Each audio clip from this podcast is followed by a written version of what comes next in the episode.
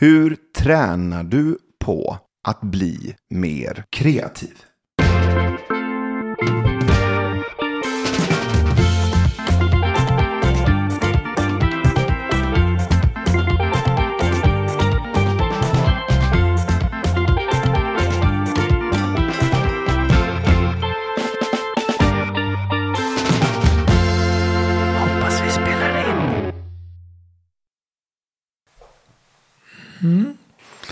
Eh, som man kan ju tänka, vi pratade lite om konvergens-divergens tidigare. Eh, det ena sättet på att öva är ju att bara öka frekvensen. Det vill säga, eh, strunt i kvaliteten, gör bara mer så kanske det blir bättre. Och eh, med det så har vi varit inne på en, en träningspunkt. Det är väl att utsätta dig för andra typer av scenarier än vad du normalt gör och se hur du reagerar och lär av hur du reagerar och se vad som kommer utav det.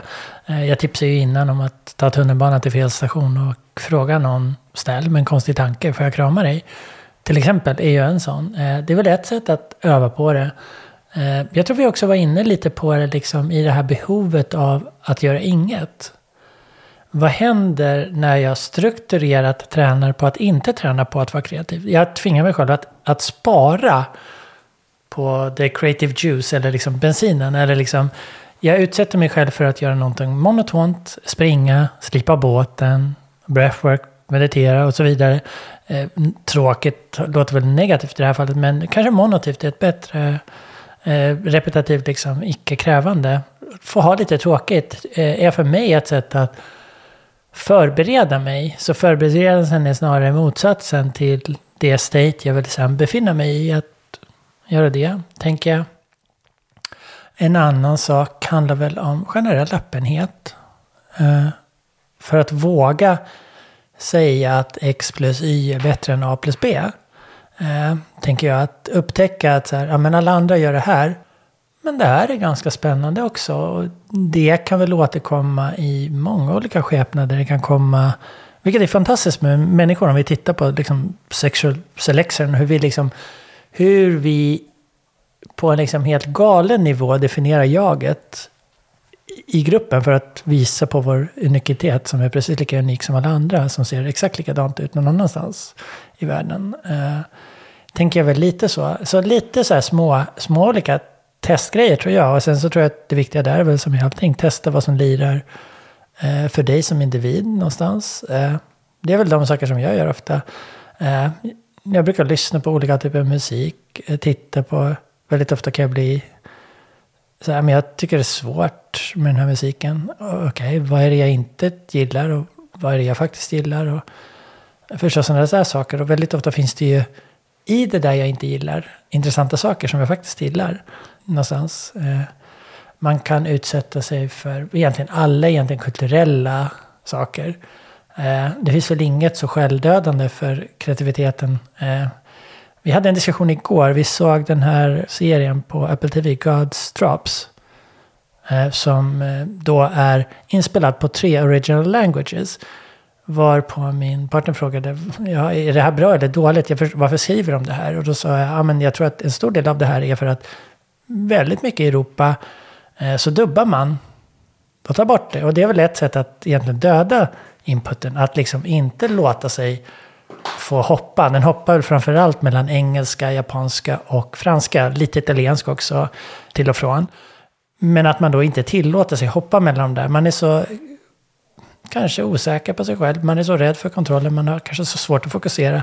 Att man vill gärna ha det på sitt språk som man har. Istället för att bara läsa texten och ta in egentligen rytmen och känslan i det de säger. Och sen ta textinputen. Jag vet inte.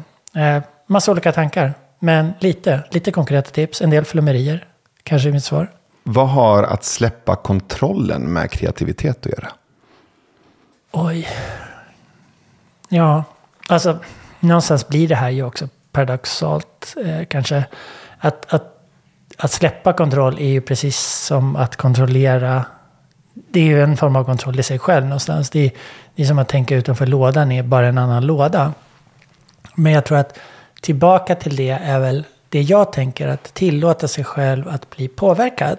Som vi pratade om i improvisationsteater tidigare. Att liksom vara öppen för att jag vill att det här ska gå till vänster eller höger. Men det kan gå upp eller ner och det är också okej. Okay, liksom att, att tillåta det. Eh, istället för att då tvinga konversation, tvinga idéer, tvinga saker att vara någonting de, de inte vill vara. För att referera till då din idévärld. Idén kom till dig, den vill vara någonting annat. Den vill inte vara en banan, den kanske vill vara en apelsingubbjävel. Eh, låt det få vara det då. Eller den kanske blir en under ditt liksom den kommer till dig som en banan, men så blir den en apelsin. låt den få vara det då. Och skicka tillbaka den i idévärlden som en apelsin. Eller eh, liksom, låt den få, få utvecklas. Eh, så var okej okay med att saker egentligen kan få vara andra saker. Tillåt slumpen, tillåt liksom... Tillåt fuck-ups i det där tror jag. Det är väl lite min tanke runt, runt de där sakerna.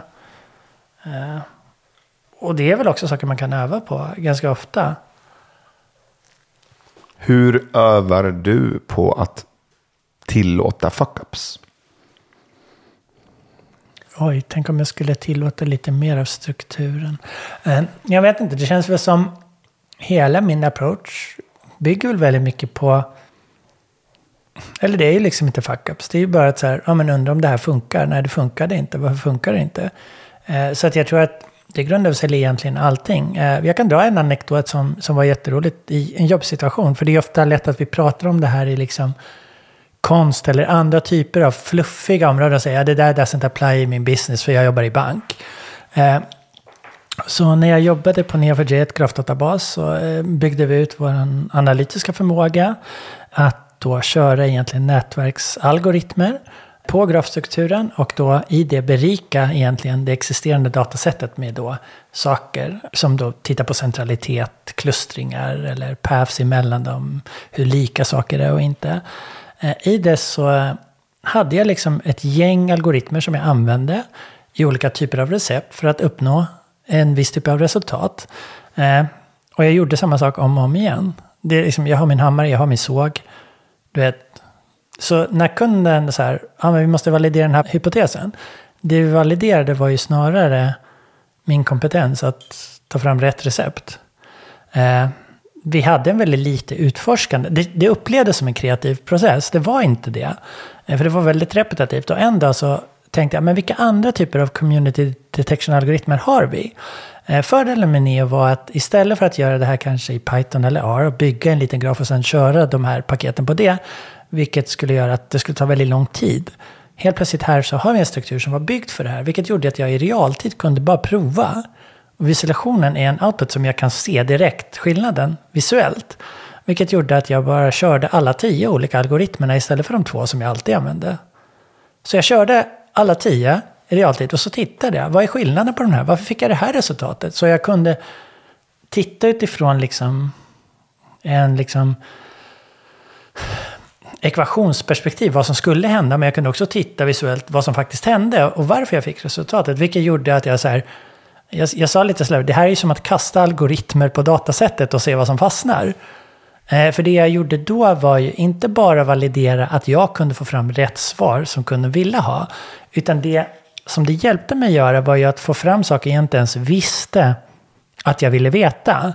Eh, så det är ju ett sätt att strukturera, i en kontrollerad form arbeta med, med just den saken. Att så här, jag visste ju inte ens att jag älskade att använda en av de här andra, för att jag hade aldrig provat. Jag hade aldrig provat i den kontexten. Så det jag gjorde var ju bara egentligen kombinera saker som jag dels inte visste om, eller dels visste att jag inte skulle använda på det sättet. Jag bara kastade dem på det och jag brukar kalla den där approachen idioten. Istället för att tänka ut vilken som är bäst, så kastar jag bara på de här tio olika algoritmerna och tittar på resultatet och utifrån det igen för att då amplificera det jag sa som vi fortfarande kan göra. Vi är jättebra på att förstå när någonting lirar. Vi förstår direkt när någonting är cringe, konstigt och inte. I det här fallet, oj, vänta nu, varför har vi en sub liksom, graph av små noder i ett ena hörnan? Vad är det de gör? Oj, vänta, här är ett bedrägerigrej till exempel och så vidare. Så det är ett sätt att öva på det. Och jag tror att man kan, man kan hitta de där exemplen nästan i allting. Eh, ofta brukar jag tipsa om att det kanske är bättre att träna på en egenskap utanför det område där du vill att egenskapen ska befinna sig. Det vill säga om jag vill bli bättre på matlagning så kanske dels kan jag ju uppenbart experimentera inom det. Men jag kan också tillåta mig själv att bli förändrad i andra typer. Eh, kanske handlar det om teater, kanske handlar det om musik, kanske handlar det om att säga att jag älskar Excel. Och sen leka med den idén om att jag älskar Excel och ta fram den varje dag klockan 19 och bara götta mig i den. Vem vet, kanske börjar du älska Excel till slut också. Eh, jag vet inte. Så man kan också leka i det i, inom den domänen du är, men också öva på ett beteende utanför det faktiska liksom, domänen, tänker jag. Det är väl lite mina tankar.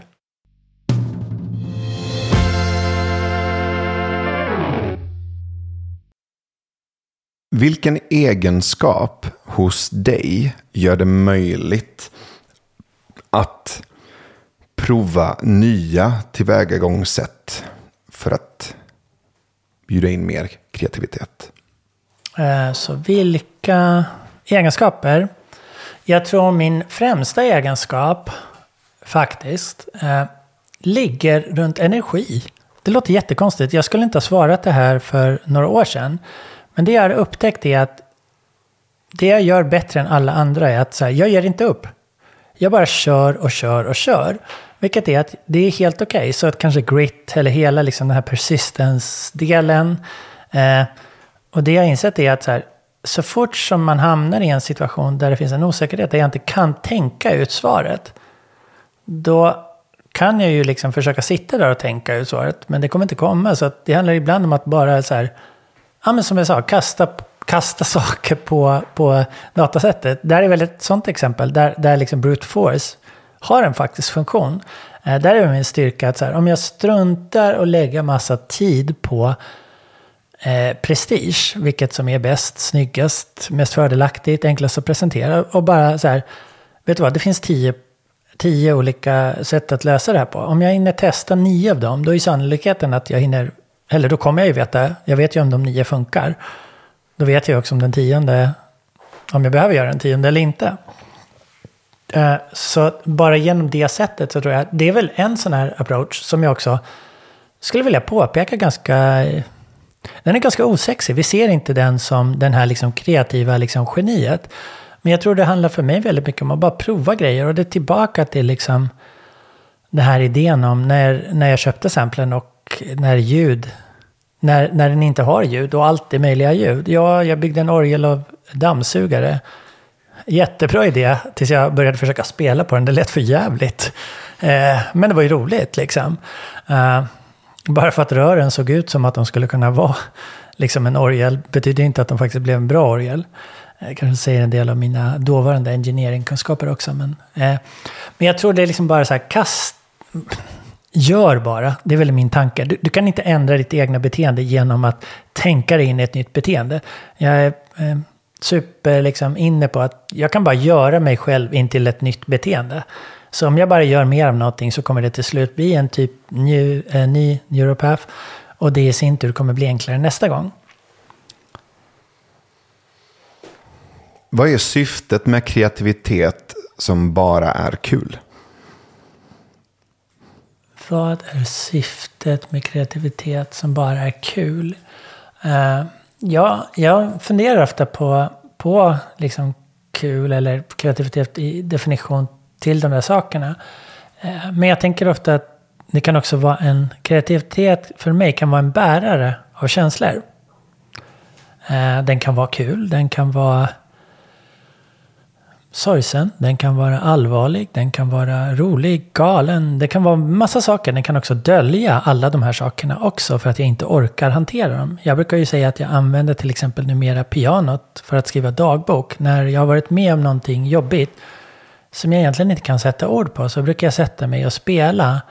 Och precis som jag slumpar fram liksom melodier eller låter dem komma till mig och skapa då de här arrangemangen så så tänker jag också om tankarna under den tiden. Eh, så jag tror att det enorma värdet att kreativitet kan få vara liksom bara en sak är väl att just den saken kan möjliggöra andra saker indirekt. Även om jag bara låter den få vara kul så kommer den indirekt påverka andra saker. Vilket gör att vi kan inte titta på saker i i enskilda saker. Eller vi kan, men jag, jag tänker att allt sitter ihop.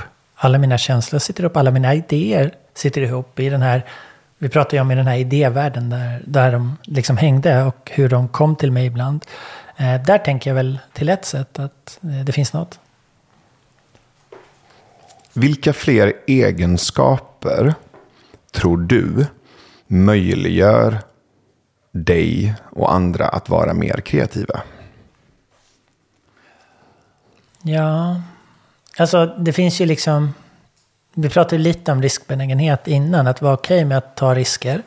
Så där, den har vi avverkat lite, liksom egenskap utifrån genetik och riskbenägenhet. Eh, det tror jag är en. Jag tror också att så här, som vi också har varit inne på, närheten till känslor och eh, känsliga känslospröt. Eh, eh, hur, hur, och vad man vill nu kalla det. Liksom en förmåga att översätta saker in till någonting. Eller förmågan att känna så mycket av någonting att det måste ut är väl en sån här återkommande kreativt. Nej, men jag behövde skriva den här musiken. Jag behövde måla den här saken. Jag behövde, varför byggde du den där saken? Nej, jag, behövde, jag var tvungen. Den kom till mig och så försöker vi liksom... Det är som att vi försöker rationellt berätta vad kärlek är. Alltså så här, det är ju en känsla. Alltså så här, ja, du kan ju berätta vad som händer i kroppen. Du kan ju försöka beskriva det, men det blir ofta ganska taffliga beskrivningar. Eh, och jag tänker att det här är nästan lite samma sak. Att man... Det är liksom en komponent av massa, massa olika saker. Eh, jag glömde bort frågan igen. Jag eh, snubblade bort mig själv faktiskt. Men... Vilka egenskaper tror du gör en människa kreativ? Just det. Ja, nej men jag, jag tror väl att det, det är väl de där liksom... Kanske inte så mycket egenskaper, kanske är det mer situationer. Och hur man hanterar situationerna som då går till egenskaper. Så öppenhet kanske, eh, men likväl rädsla, smärta, liksom, och saker då, att hantera de sakerna. Eh, jag tänker att hela, liksom, egentligen skulle man väl kunna titta på hela känslo och reaktionsregistret och alla de skulle kunna vara faktiska, liksom, både egenskaper och triggers i det här fallet. Och då handlar det väl kanske om sättet att vilja göra det. Det är skitjobbigt att göra de flesta saker. Så att om du känner så pass mycket för någonting att du faktiskt tar dig tiden att göra det här. Eh, då kommer det betyda någonting. Och ofta så har du någonting som, som måste ut. Jag hade en, en så stark övertygelse att det här måste ut. Eh, det är väl något vi också ser kanske motverkas i dagens samhälle när, när liksom alla kan kan generera saker. Alltså det blir enklare och enklare att göra saker med liksom språkmodeller och andra generativa funktioner. Eh, vilket gör ju tillbaka till eh, den här som jag brukar skoja om, den här content blindness. Man pratar ju ofta om banner blindness i det här fallet, men jag brukar säga att vi har precis snart eh, ändrat det här content blindness, där, där content i sig inte längre har ett värde. Men där den faktiska liksom, kureringen av content alltid kommer att ha ett värde. Den enda enskilda saken som är relevant för mig i den här stunden, eh, där, finns ju, där finns ju något att känna av. Varför är den här rätten så god? Varför är det här vinet himmelskt? Varför är den här låten så magisk?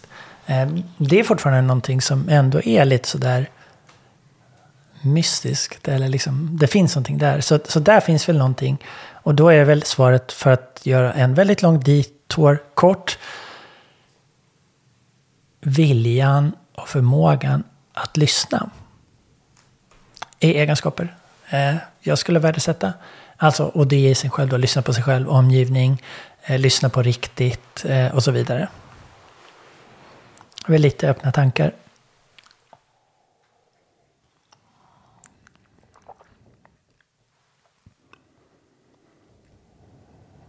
Vilka praktiker, förutom till exempel promenad, meditation och breathwork,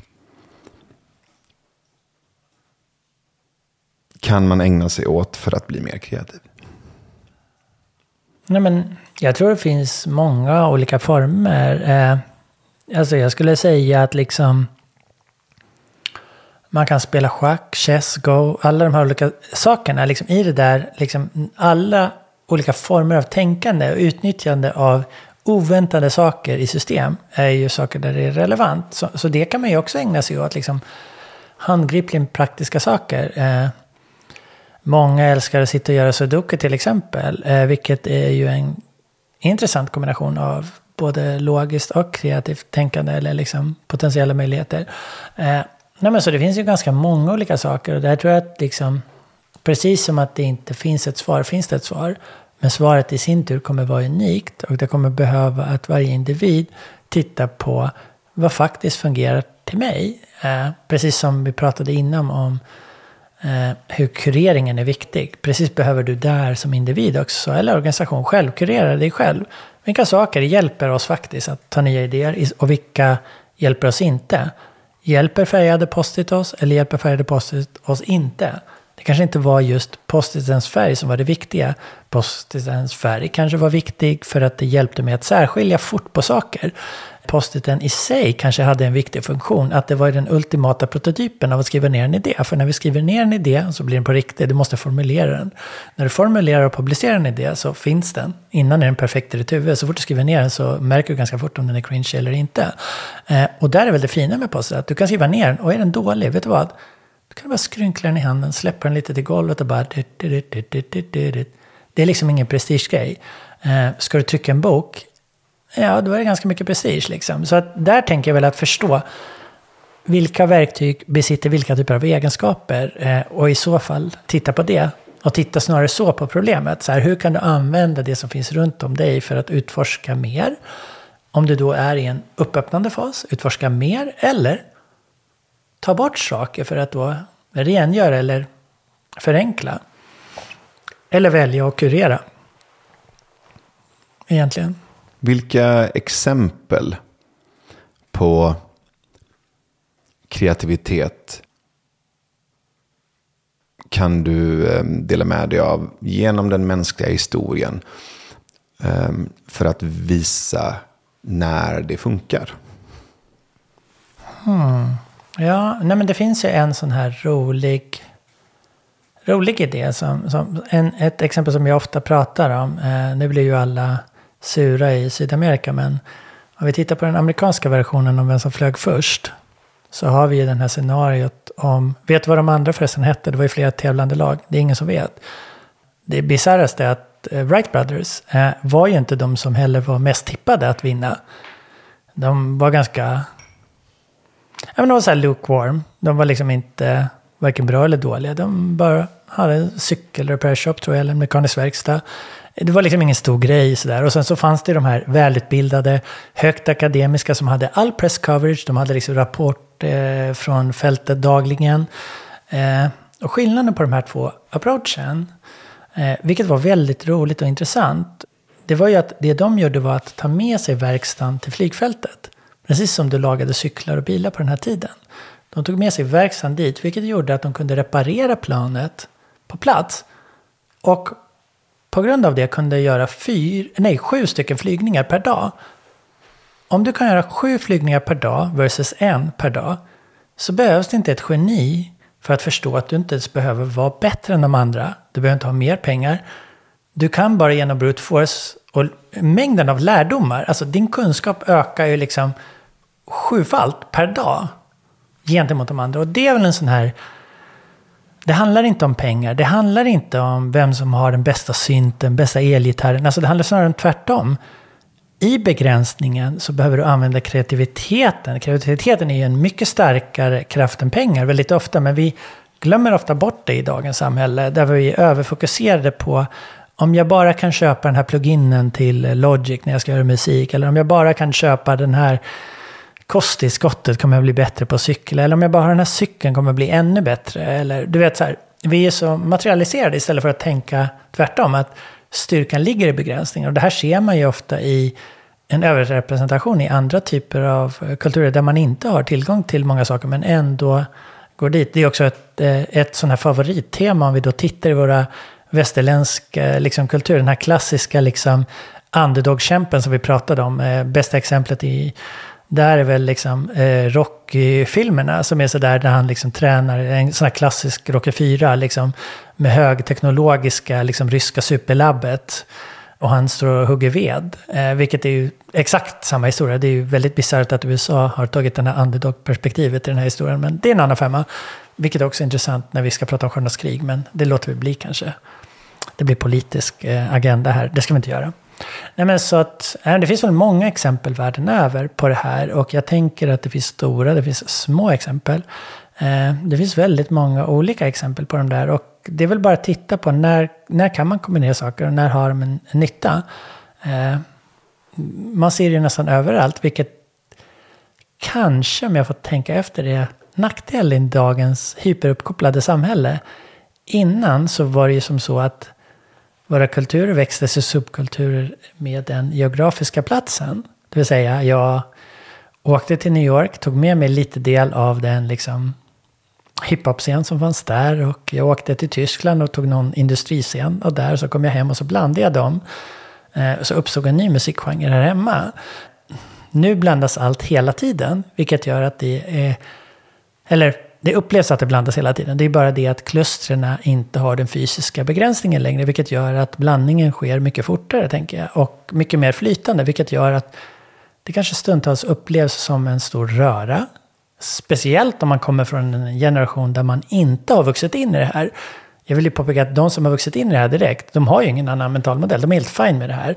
Så där tror jag att man, eh, både som liksom pre-internet och internet eh, upplevd människa har både för och nackdelar i det där.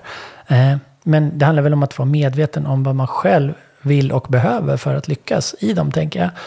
Eh, blir du bara distraherad av att gå på internet, gå inte på internet då. Gör ett annat, gå och hugg ved för guds skull. I och för sig sjukt kul. Eh, du måste komma till huset så ska vi hugga ved någon dag. Det är jättekul. Det är faktiskt otroligt skönt. Det luktar något så gott när man gör det också. Men, men, nu ska vi inte prata om det.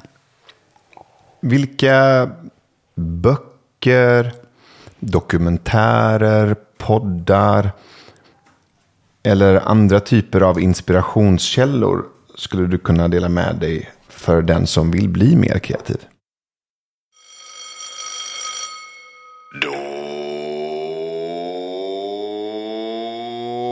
Var ännu en skoldag över och det är mitt sanna nöje som rektor att konstatera att detta har varit en riktig riktigt nyfiket idiotisk dag. Jag har vid det här laget lagt ner ordet struktur från mitt vokabulär. Men om du gillar det vi gör här på institutet så passa på att tacka Stefan Mendin, även fast jag inte tror att han finns på riktigt. Vem är du? Vem är jag? Gå in på www.patreon.com slash nyfikna idioter och se dig, hör dig, känn dig omkring i vår arsenal av nyfikenhet. En fråga som jag undrar då. Varför kan jag den här Aya Sayama-låten i mitt huvud? Vilken då? Vem är du? Vem är jag? Levande charader spelar alla roller så bra.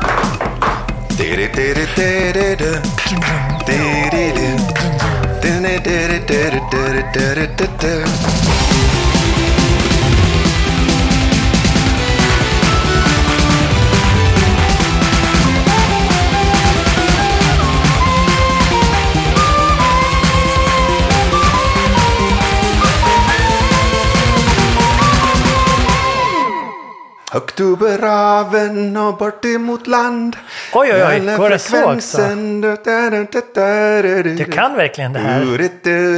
Det mina nu bor, sanna mina ord. Det är den egentliga refrängen. Det du sjöng i våra versen. Exakt. Jag byggde ju bara upp så att du skulle kunna briljera. är du the Scotty to my Jordan alltså? Exakt. Men det är ändå bisarrt att man kan den där. Det är ganska sjukt. Ja, men det, det, det, det är för att prata inside outiska, det är kärnminnen.